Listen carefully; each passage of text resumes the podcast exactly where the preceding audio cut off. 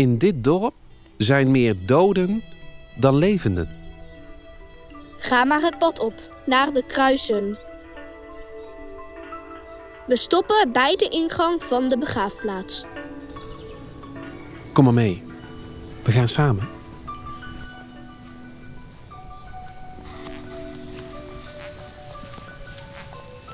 We gaan naar een bijzondere plek. De Duitse oorlogsbegraafplaats. Daar is er maar eentje van in Nederland. En dat is hier, in een Limburgs dorpje, waar meer doden dan levenden zijn. Loop tussen de hoge bomen. Bij de derde boom ga je rechtsaf. Het gras op. Dat mag echt wel hoor.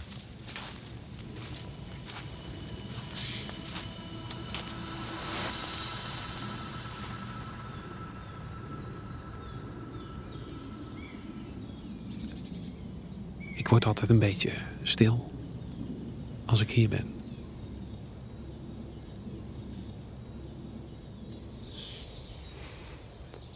Kruisen, zover je kan kijken. Zelfs daarachter. 32.000 kruisen. En ieder kruis is een graf. Hier liggen soldaten, militairen. Ze zijn gestorven door of in de Tweede Wereldoorlog. 1940, 1945. Zij waren onze bezetter. Een stomme streep op een landkaart heeft bepaald dat hier bijvoorbeeld deze jongen, die slechts 17 jaar is geworden, de vijand was. En daarom ligt hij nu hier. Augustin, Alfred, Josef, Heinrich, Hermann, ein deutscher Soldat, ein deutscher Soldat, Franz, ein deutscher Soldat, Rudolf, ein deutscher Soldat, ein deutscher Soldat, ein deutscher Soldat. Wat betekent als er op een kruis staat een Duitse soldaat? Uh, we hebben geen identiteit uh, verder vast kunnen stellen, dus geen naam kunnen vinden. We weten alleen maar ja, dat het een Duitse soldaat was. Dit is Sjoerd, Sjoerd Ewals. Hij geeft de rondleidingen op de Duitse oorlogsbegraafplaats. Ja, van die Duitse soldaten, die onbekende Duitse soldaten, zijn er ongeveer nog wel 5 tot 6.000 op deze begraafplaats. Maar hoe komt het dat je niet zomaar ziet wie een persoon is? Dan zijn dus mensen die uh, begraven werden, snel begraven werden. Um, en ja, de oorlog ging verder. En na de hand, pas toen ze het graf openmaakten, moesten ze gaan onderzoeken wie het was. Uh, soms was dat makkelijk en dan hadden ze van de kaartjes om, van die, uh, die plaatjes. Erkenningsmarken heet dat in het Duits. Kettingje met daaraan een naamkaartje, wat je nu nog wel eens ziet. En soms was het plaatje weg. Heel moeilijk om nog iemand te identificeren na de hand. Als je als vader of moeder zijnde zoiets hebt van... Is mijn zoon nou een onbekende soldaat? Of ligt hij aan de andere kant van de wereld of zo op een begraafplaats? Dan zou je dat wel heel erg vinden. Alsnog zou je afscheid willen nemen van je zoon. Maar dat kun je dan niet. Of A, je weet niet waar je zoon ligt. Of B, je hebt geen geld om de reis te betalen.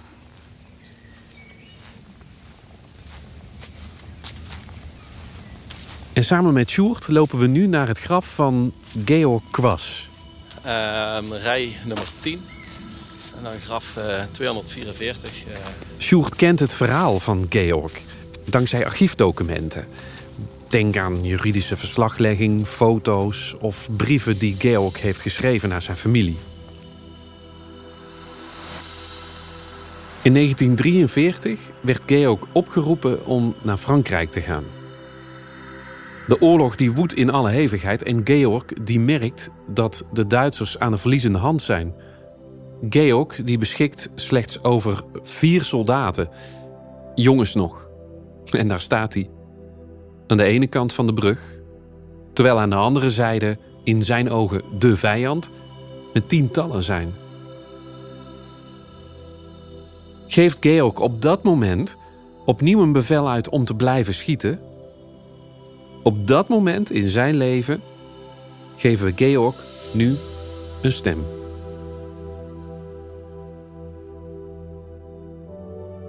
Zie je die huizen daar langs de kant? Vijf, zes, zeven, acht. Ik loop al door de straat. De straat voelt als thuis. Ik stap een huis binnen en de kachel brandt en de soep dampt en zeven kinderen lachen. En de moeder geeft zeven kommetjes een lepel.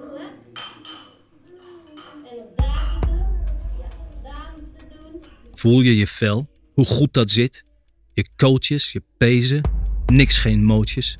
Je darmen, je bloed, je nieren. Wij zijn mannen uit één stuk.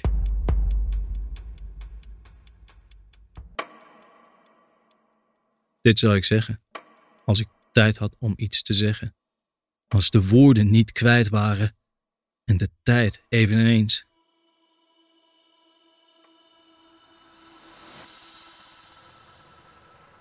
Panzer! We zijn hier net aangekomen. Het einde van een oorlog is iets anders dan het begin. Het Russische leger voert iedere maand een half miljoen mannen aan. Onze mannen raken uit de straten en ze schrapen alles bij elkaar wat ballen heeft. Dat zijn mijn vier soldaten. Jongens nog. En dat ben ik. Een man met zeven kinderen, een tweeling van twee maanden en een kapotte long. Het pak zit strak gesteven om ons lijf. De adelaar klemt zijn poten om het hakenkruis om onze borst. Hop, uit de vrachtwagen. Hop, pomp je op. Jij bent de leider. Herr Oberleutnant, verderop ligt een brug. Bewaak die met je mannen. Het bevel bevat geen informatie over de positie van de vijand. Hoe dit land erbij ligt. Hoe de oorlog erbij ligt. Ik heb geen idee waar de vijand ligt. Met hoeveel. Ik heb geen idee. Ik ken enkel de kaart van het land zoals het voor de oorlog was. De hemel is uitgestrekt en blauw. Holland is een tuin. Daar hoort geen oorlog thuis.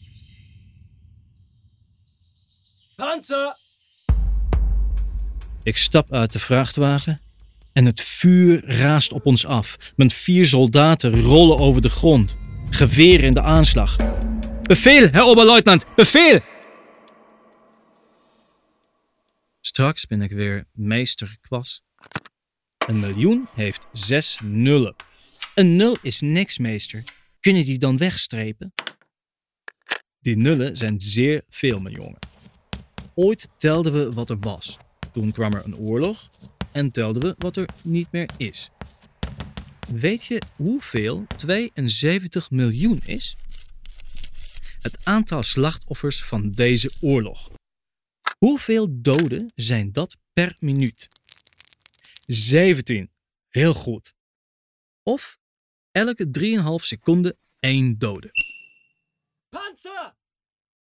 Als er vier soldaten aan de ene kant van de brug staan en 40 aan de andere kant, wie wint er dan? En als die 40 ook nog een tank hebben, dan leef je nog. Dan leef je toch. Maar waag je het erop? Bevel is bevel. Verschiet al je kogels. Bevel is bevel. Ook al deugt de wet niet. Een goede burger houdt zich eraan. Ik ken mijn militaire plicht. Maar wat kost verdedigen als we bij voorbaat al verloren zijn? Hoe leid je je mannen als je weet dat ze allemaal zullen sterven? Bevel is bevel, Herr Oberleutnant. Je vecht om iedere meter en veld en straat en brug. En daar sta ik. Georg woonde met zijn gezin in Duitsland toen de oorlog begon. Al snel veroverde Georg grote gebieden in Polen. Hij kreeg een huis. Ja, dat was voor hem zijn nieuwe vredige thuis. Samen met zijn vrouw en kinderen.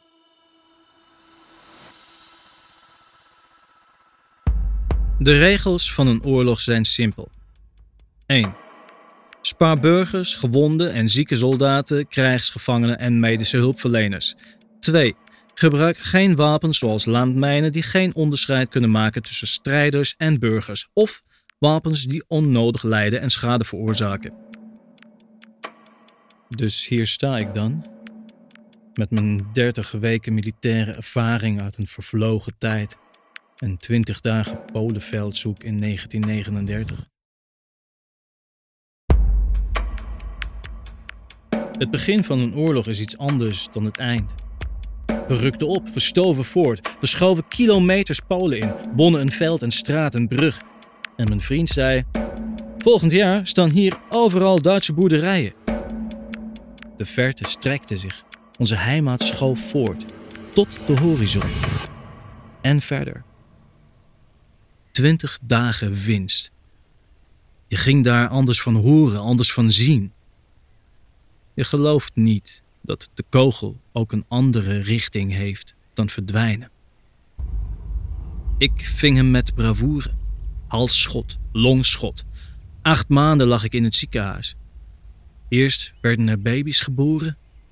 Nu werden er wonden verzorgd. Wonden zo groot als een baby. Daarna mocht ik naar huis. En hield ik mijn pasgeboren zoon in mijn armen.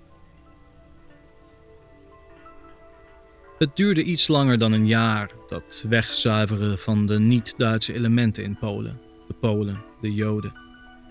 Vorig jaar was het zover. Woonde ik in het door mij gewonnen gebied. Alles rook naar een nieuw thuis. Vijf kamers, een keuken, een badkamer met een bad. Een bad. Dat hadden we nog nooit gehad. Wartegau. Wartegau. Was ik in jou geboren in 1904, was ik een Pool geweest. Geen Pruis. Zo wispelturig is een vaderland. Zo wispelturig is een grens. Het enige wat je bent, is een mens.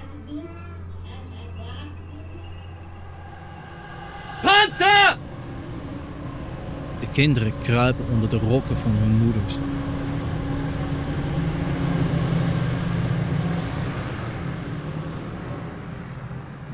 Gisela, mijn oudste, zit thuis aan de keukentafel. Vella, ons Pools keukenmeisje, dopt bonen. Gisela leert Vella Duits. Gisela wil Pools leren van Vella. Ze brabbelt haar wat voor. Vella geeft de Duitse vertaling. Gisela weet niet dat Vella Duits moet leren, maar dat Pools voor Gisela verboden is. Panzer! Waarom schieten we niet? Omdat het anders altijd zo doorgaat. De jongens, ze vragen. Hoe kunnen we onze moeders nog aankijken als we ons vrijwillig overgeven? Hoe kun je je moeder ooit nog aankijken als je dood bent? Georg heeft eh, zich overgegeven in Frankrijk, wat natuurlijk een fout was in de ogen van de Duitsers toen der tijd. Eh, daarvoor is hij toen eh, daar gevangen genomen en vanuit Frankrijk is hij naar, naar Nederland gebracht. Is hij daar gevangen gezet in de strafgevangenis in Scheveningen. Maar waarom in Nederland gebracht dan? Nou ja, Nederland was eh, natuurlijk eh, nog bezet gebied. Eh, voorlopig werd daar niet gevochten. Niet met het risico dat bieden daar zeg maar, ook alweer bevrijd werden. Vandaar dat hij in Nederland is terechtgekomen. En uiteindelijk in eh, Den Haag voor het krijgsgerecht daar eh, ja, ter dood is veroordeeld. Vanuit eh, zijn cel heeft hij meerdere brieven geschreven naar huis. Ja, om zich eigenlijk te verontschuldigen. Daar is allemaal censuur op gepleegd. Maar ja, eigenlijk afscheid genomen van zijn familie. In het begin was je een held. Nu ben je een scheiskerl. Morgen ben je doodgewoon een moordenaar. Alsjeblieft, lieve moeders. We brengen de dood. Meine lieve moeder. Ich weiß nicht, ob du schon von Lotte erfahren hattest, dass ich bei meinem ersten Einsatz einen Fehler begangen hatte und zum Tode Mijn lieve moeder, ik weet niet of je al van Lotte vernomen hebt dat ik bij mijn eerste inzet een fout heb begaan en tot de dood veroordeeld geworden ben. Ik heb altijd op genade van de Führer gehoopt. Nu moet het oordeel vertrokken worden. Lieve mama, het is pijnlijk. Ik dank je vanuit de grond van mijn hart voor alle liefde en trouw waarmee je me opgevoed en gekoesterd hebt. Ik weet hoeveel zorgen en verdriet je bij de nederige omstandigheden met ons gehad hebt. Hoe trots ben je geweest dat we allemaal flinke mensen geworden zijn. Nu moet dit tragische einde komen. Laat God je troosten in je verdriet. Vele moeders hebben in deze oorlog hun trouwe zonen verloren. We moeten dit noodlot dapper dragen. Ik kan nu niet meer veel woorden kwijt. Grüß Irma en Jonny en die kleine Hella. Nochmals herzlichen Dank für alles Liebe und Gute. Es küsst und herzt dich dein dankbarer und treuer Sohn Georg. Je kunt alleen maar vechten als er iets te winnen valt. De Tommy zal het zeggen en gelijk hebben. You can't go home again. En dan graf eh, 244. eh, hier ligt eh, Georg. Eh Oberleutnant. Ja, hij is 40 jaar oud geworden. Ehm, ja, dat is wel redelijk oud eh, voor, voor deze begrafenis hier. eh, de leeftijd die het meest voorkomt is 18. Stoppen met vechten. Is dat nou een fout? Of is het een vorm van verzet? Ja, dat is een eh, hele goede vraag. Echt, het antwoord is natuurlijk moeilijk. Hè? In welke omstandigheden? Kijk, eh, er zijn mensen bijvoorbeeld die vinden dat wij door hadden moeten vechten tijdens de inval van de Duitsers. Dat we ons niet hadden moeten overgeven. Eh er zijn mensen die, die andersom denken. Hè? Eh, Dat, ja, dat is moeilijk te beantwoorden. Van Georg, die levensbeschermd. En we hebben daarna nog bij zijn graf ook een kaart en bloemen gevonden van zijn kleinkinderen. Waarin ze vertellen zeg dat ze trots zijn op opa. Kijk, links. Daar staat een bankje. Loop daar naartoe. Ga daar maar zitten. Welke grens bepaalt of je held, dader of slachtoffer bent? Ja, dat is... Ik ben op zoek naar dat antwoord. Ja, ik denk dat we dat antwoord heel moeilijk kunnen geven. Vaak wordt het ook gewoon bepaald door de loop van de geschiedenis. Ja, zeggen ook als de, de, de overwinnaar bepaalt naar de hand pas zeg maar, wat het goede was en wat het slechte was. Ik denk dat heel veel mensen die hier ook begraven zijn, niet ervan uitgingen dat zij het slechte hebben gedaan. Ehm, en achteraf vinden we dat misschien wel. En dan moet je eigenlijk terug naar de geest van die tijd met alle omstandigheden en alles wat daarbij was. En dan nog blijft dat heel erg lastig. Ja, dit soort plekken ehm, helpen in ieder geval heel erg eh, met het nadenken over dit soort vragen. Ik wil niet zeggen dat wij hier meteen dan het goede antwoord kunnen geven. Maar het helpt wel om de vraag te kunnen begrijpen. Je komt zelf uit IJsselstein, het dorp hè, waar deze begraafplaats is. Ja, dat klopt. Ja, we gingen vroeger niet echt naar deze plek toe. Het was een, een plek voor de Duitse families. Maar die eerste keer dat je hier was, wat deed dat met je? Ja, ehm, onwerkelijk. Iets heel onrealistisch. En Hoe oud was je? Oh, we zaten op de, op de basisschool, dus ik denk een jaar of acht, negen, tien. Deze begraafplaats qua oppervlakte is hier ongeveer zo'n 20 voetbalvelden groot. Bijna 32.000 mensen, dus dat is ongeveer ook een heel voetbalstadion vol. En als je dan gaat kijken naar het totale aantal eh, doden van de Tweede Wereldoorlog, dat zijn er zo'n 72 miljoen in, eh, in zo'n zes jaar tijd, dan kom je op zo'n 32.000 doden per dag. Dus dat is het aantal mensen wat hier begraven is. Dus wat je hier ziet, ging elke dag dood. Eh, zes jaar lang.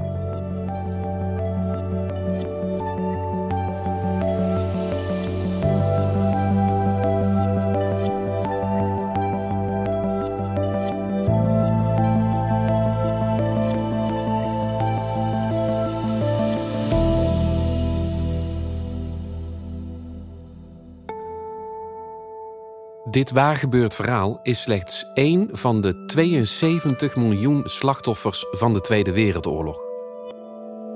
Van één iemand. Wanneer ben je een held, een dader of een slachtoffer? welke grens bepaalt dat?